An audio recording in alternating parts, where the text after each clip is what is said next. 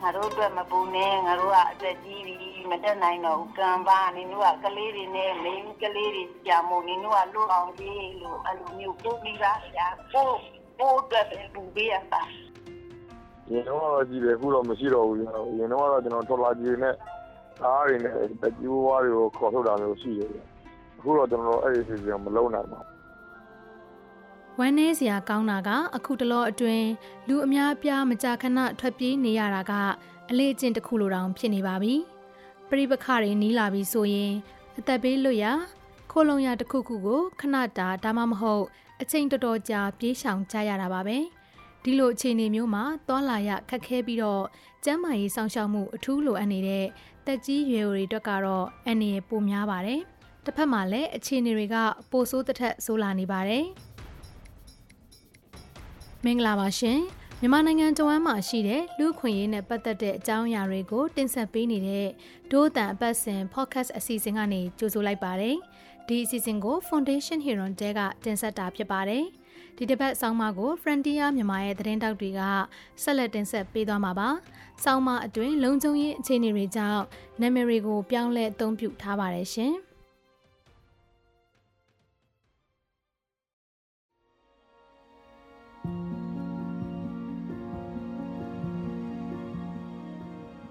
လက်နဲ့ကြီးနဲ့လေကျွန်တော်တို့ခဏခဏအထုခံရတယ်လက်နဲ့ကြီးနဲ့ဆိုလဲခဏခဏထူတော့အမြဲတမ်းပြင်းနေရတယ်အခုဆိုလက်နဲ့ကြီးလဲအချိန်ပေါင်းများလာတာနဲ့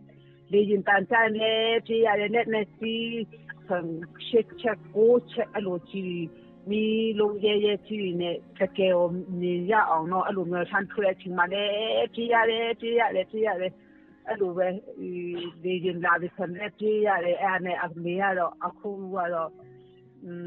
ပေချင်လေပေဘရစီမမမကြေးတော့ဆိုခမအဲ့လိုညီမှုတိုင်းလေနော်ဒေါ်အားမြောင်ရဲ့အသက်60အရွယ်အမေဖြစ်သူဟာသူတေးပြရစီတော့လို့သာသမီးဖြစ်သူကိုမကြာခဏပြောနေပါတော့တယ်အာနာမသိငင်ကတော့သားသမီး6ယောက်မိခင်ဒေါ်ကီခေါ်ဝါဟာ မင်းတက်ကသူတို့မိသားစုနေအိမ်မှာအေးအေးချမ်းချမ်းနဲ့ဖျားရှိကိုပတိစိတ်ပြီးနေခဲ့တာပါဒေါ်အားမြောင်မာကအစားအသောက်ရောင်းတဲ့ဆိုင်လေးတစ်ခုရှိခဲ့ပါတယ်အခုတော့သူတို့မိသားစုလုံးစစ်ရှောင်နေရပါတယ်လက်တလုံးမှာတော့မင်းတက်မြို့ပြင်ကကြေးရွာတစ်ခုမှာယာယီခိုလုံနေကြရတာပါစစ်အာဏာသိမ်းပြီးမကြခင်မှာပဲစစ်တပ်နဲ့ခုခံတော်လှန်ရေးအဖွဲ့တွေကြားပြည်ပခါတွေဖြစ်လာပြီး အဲ့ဒီအချိန်ကစလို့ချင်းပြည်နယ်မှာမင်းတပ်ဟာတိုက်ပွဲအကြီးကျယ်ဖြစ်တဲ့နေရာဖြစ်လာခဲ့ရပါတယ်။ဒေါ်အားမြောင်တို့မိသားစုဟာရွာကိုမြန်မာစစ်သားတွေဝင်လာတာလက်နက်ကြီးကြတာနဲ့စစ်လေရင်တန်ကြတိုင်းတခြားရွာဒါမှမဟုတ်ညီဆက်ရာချောက်ကဘားတွေတဲကိုနေပူမိုးရွာမရှောင်ပြေးပုံးကြရတာငားကရှိနေပါပြီ။အဲ့လိုဖြစ်ပြီးတော့မှနေမကောင်းပြင်းလေခါတယ် အဲ့လိုတဲကလေးထိုးတော့နော်အဲ့တဲကလေးမိုးကမလုံးအမေကအကြီးအကျယ်သွေးတိုးရှိတယ်နေရာအထိအဲ့လိုသွေးတိုးပုံမှန်ရှိတယ်ပြီးလို့ရှင်လေခေါင်းယောဂါရှိတယ်အဲ့လိုမျက်စိကမှုန်နေဒူးခေါင်းလေခေါင်းနာတယ်အဲ့လိုမျိုးအသက်60ရှိပြီဖြစ်တဲ့ဒေါ်ကီခေါ်ဝါဟာငကိုအစာရင်ယောဂအခန်းလည်းရှိပါတယ်။တခြားရွာကိုပြေးရချိန်ဆိုအစားအသောက်လည်းရှောင်မရတာကြောင့်ယောဂကပိုဆိုးလာပါတယ်။ ဒေါ်အားမြောင်ကသူများတောင်ရောင်မှာနေစာအငှားလိုက်ပြီးဝမ်းစာရှာနေရတာပါ။သူ့ဝင်ငွေကမကျန်းမာတဲ့အမေအတွက်လိုတဲ့ဆေးဝါးနဲ့အစားအသောက်ကောင်းကောင်းတွေဝယ်ကျွေးဖို့မလောက်ငါပါဘူး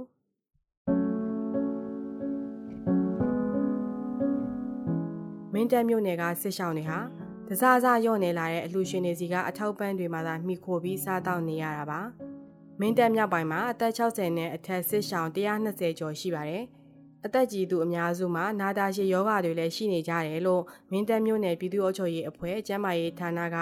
မကြသေးခင်ကမှကောက်ယူထားတဲ့အချက်လက်ရသိရပါတယ်။မမိုင်ကအဲ့ဒီကျန်းမာရေးဌာနရဲ့တာဝန်ရှိသူတူပါ။ပြီးခဲ့တဲ့နှစ်နှစ်နဲ့ရှင်ရင်စစ်ရှောင်းအကူအညီတွေရတာကလည်း20ရာခိုင်နှုန်းလောက်ပဲရှိတော့တာကြောင့်ဒါကစစ်ရှောင်းပြည်သူတွေရဲ့ကျန်းမာရေးအပေါ်တရားမှုရှိနေတယ်လို့ပြောပါတယ် တခါတလေကျတော့ကိုယ်မှာကျတော့ဆေးဝါးလုံလောက်မှုမရှိဘူးဥပမာသူတို့အတွက်ရေရှည်ဆွဲတောင်းမယ်ဆေးဆိုတာသိနေတယ်ဒါပေမဲ့ဥပမာတစ်ခုပေါ့နော် amlong 5 mg ဆိုရင်သူကတစ်သက်လုံးဆွဲတောင်းမယ်ဆေးဆိုတာကိုကသိတယ်ဒါပေမဲ့ကိုဒီသူတို့ပေးနိုင်ခဲ့တာဒီတစ်လစာပဲပေးနိုင်ခဲ့တယ်ဖိုင်တောက်ရတော့ထုံးစံအတိုင်းခက်တာပေါ့လေချောင်းဆိုတော့မြန်မာနိုင်ငံမှာအသက်60ကျော်တက်ကြီးရွယ်ကိုဟာလူဦးရေရဲ့10ရာခိုင်နှုန်းရှိပြီးတော့အများစုကကြေးလက်ဒေတာတွေမှာနေထိုင်ကြတာဖြစ်တယ်လို့2014ခုနှစ်တကောင်စီရင်အချက်လက်တွေအရသိရပါတယ်။ နိုင်ငံရဲ့အစိတ်အပိုင်းတော်တော်များများဟာလည်းဆီယနာသိမ်းပြီးနောက်ပိုင်းအရင်လိုအေးချမ်းမှုတွေမရှိနိုင်တော့ပါဘူး။စကိုင်းတိုင်းမှာလည်းဒီလိုပါပဲ။အသက်82နှစ်အရွယ်ဒေါ်ကြီးကစစ်တပ်မီးရှို့သွားလို့သူ့အိမ်လေးမရှိတော့တဲ့ခြံဝင်းထဲမှာတဲလေးဆောက်ပြီးနေနေရပါတယ်။တပင်းရင်းမျိုးနယ်ထဲမှာရှိတဲ့သူ့ရွာကိုစစ်ကြောင်းထိုးလို့ရှောင်ပြေးရတာ6ခေါက်ရှိနေပါပြီ။ဟုတ်ပါ မနှစ်တုန်းကသူမဘုန်းကြီးကျောင်းမှာဥပုံဆောင်နေတော့ကြုံရတဲ့အဖြစ်တစ်ခုကိုမှတ်မိနေပါသေးတယ်။တို့အဲ့လိုဥပုံဆောင်ကနေပြီးတော့အဲတရားထိုင်အောင်ဆိုပြီးတော့သွားတော့လဲနေတယ်။ဥပုံနေတယ်သူတို့ကမလျှောက်ဘူးလေအဲ့ဒီအရာတွေကသူတို့ကစစ်ကြောင်းတွေပါထိုးလာတော့ဥပုံကြောင်းကနေပြန်ပြန်လာတာပြည့်ပြည့်လာတာအဲ့ဒီအဲ့လိုမျိုးတွေလည်းဖွားတော့ကြုံရရတယ်ဆို။အေးကြောင်းကနေပြန်ပြေးလာတာတော့ပြန်ပြေးပြီးအဲ့ပို့ထုတ်လေးကိုဆွဲပြီးတော့အဲ့လိုပြေးရတာတော့အဲပို့ရရှိတဲ့ဘုန်းကြီးတွေကလည်းမနေဘူးဘုန်းကြီးတွေပါကုန်ပြေးရတာတမီးရဲ့။ ဒေါ်ကြီးကနာတာရှည်နှလုံးသွေးကြောခြင်းယောဂရှိသူမို့ပြေးရဲဆိုပေမဲ့လူငယ်တွေလိုတော့မြန်မြန်ဆန်ဆန်ပြေးနိုင်တာမဟုတ်ပါဘူးမပြေးနိုင်လဲပြေးရတာပါပဲအိမ်ရဖို့မနေပြေးလာရပြီးရောက်တာနဲ့တမီးဖြစ်သူဆိုင်ကယ်နောက်ကနေလိုက်စီးပြီးတော့မြန်နိုင်သမျှအမြန်ဆုံးလွတ်ရကြွရပြေးခဲ့ရတာပါခိုင်ကနေကျတော့ဟိုရွာတွေကလူတွေအများကြီးဆိုတော့ဖြစ်ခွင်တာပါကွယ်ဘူပါကိုအရင်ရောက်ချင်းကိုကအရင်ရောက်ချင်းနဲ့လမ်းဆိုင်ကယ်တွေကလည်းလဲဆိုင်ကယ်ကလည်းပါကွယ်အဲဟိုရောက်တော့လည်းအဲ အဲလူတွေကအများစုတဲရတာဆိုတော့အဲဘယ်သွားတဲရပါမယ်ဘယ်တဲရပါမယ်အဲ့လိုပါအတော်တော်နဲ့သွားတာပါဒေါ်ကြီးရဲ့တငယ်ချင်းဒေါ်မီကလည်းသူနဲ့အတူဖုန်းကြီးကြောင့်မှဥပုသ်ဆောင်နေခဲ့တာဖြစ်ပါတယ်ဒေါ်မီယောက်ျားကတော့လေဖြတ်နေလို့အိမ်မှာကြံနေခဲ့တာပါဒေါ်မီသမီးကသူ့အဖေကိုဖုန်းကြီးကြောင်းစီခေါ်လာခဲ့ပါတယ်ငါတို့အတွက်မပူနဲ့ငါတို့ကအသက်ကြီးပြီမတက်နိုင်တော့ဘူးကံပါနင်တို့ကကလေးတွေနဲ့မင်းကလေးတွေကြာမို့နင်တို့ကလွတ်အောင်ကြီးလို့အဲ့လိုမျိုးပူပြီးသားဆရာကို ကိုအတွက်ပဲပူပေးရပါ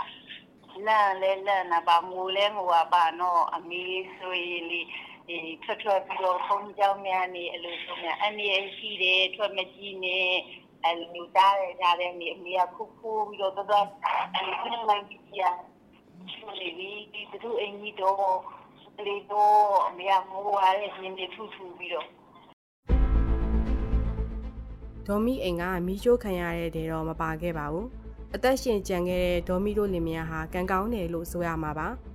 လှုပ်ရှားသွားလာဖို့ခက်ခဲလို့စစ်ကြောင်းထိုးလာချိန်မပြေးနိုင်တဲ့တက်ကြီးရွယ်အိုတွေမိရှို့တက်ပြတ်ခံရတာကိုသတင်းတွေမှာအမြဲလိုလိုတွေ့နေရပါတယ်။ဆရာနာသိမ်းပြီးကလေးကအသက်ခံရတဲ့အသက်60နဲ့အထက်တက်ကြီးရွယ်ကို280ကျော်ရှိရဲလို့နိုင်ငံရေးအကျဉ်းသားများကူညီစားရှောက်ရေးအသင်း AAPP ရဲ့အချက်အလက်အရသိရပါတယ်။ဒါပေမဲ့ဒီအရေးအတွက်ဟာအာဏာသိမ်းစစ်တပ်နဲ့သူ့တပ်သားတွေကြောင့်တည်ဆုံရတာတွေပဲရှိပါသေးတယ်။ ဒါအပြင်တခြားအကြောင်းတွေကြောင့်တည်ဆုံရတာတွေလည်းရှိပါတယ်။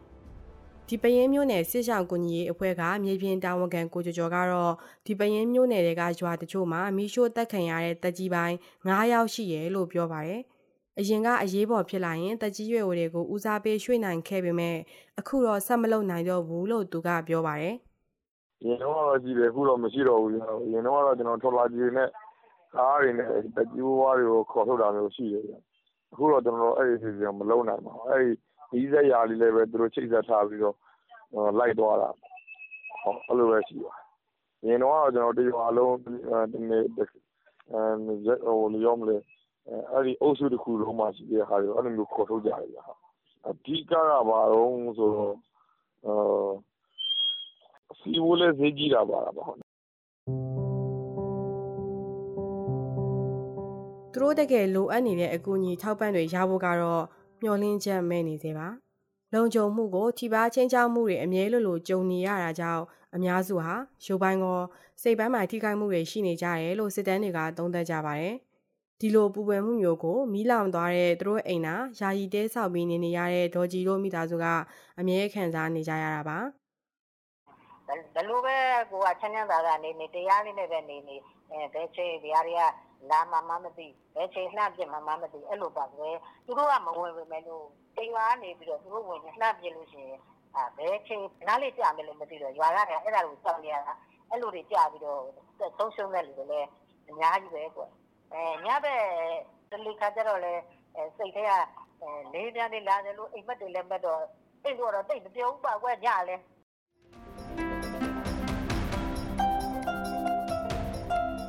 ခုတင်ဆက်ပေးခဲ့တဲ့အစီအစဉ်ကို နားဆင်ကြရလို့ကျင်းနေမယ်လို့ဒိုးတန်ဖွဲ့သားတွေကမျှော်လင့်ပါတယ်။ဒီအစီအစဉ်ကိုအလှူရှင်တွေကပတ်မှုကူညီထားပြီး Frontier မြန်မာနဲ့ Foundation Heron Dero ကပူးပေါင်းတင်ဆက်တာဖြစ်ပါတယ်။ဒိုးတန်အစီအစဉ်ကိုနားဆင်ပေးတဲ့အတွက်ကျေးဇူးတင်ပါတယ်ရှင်။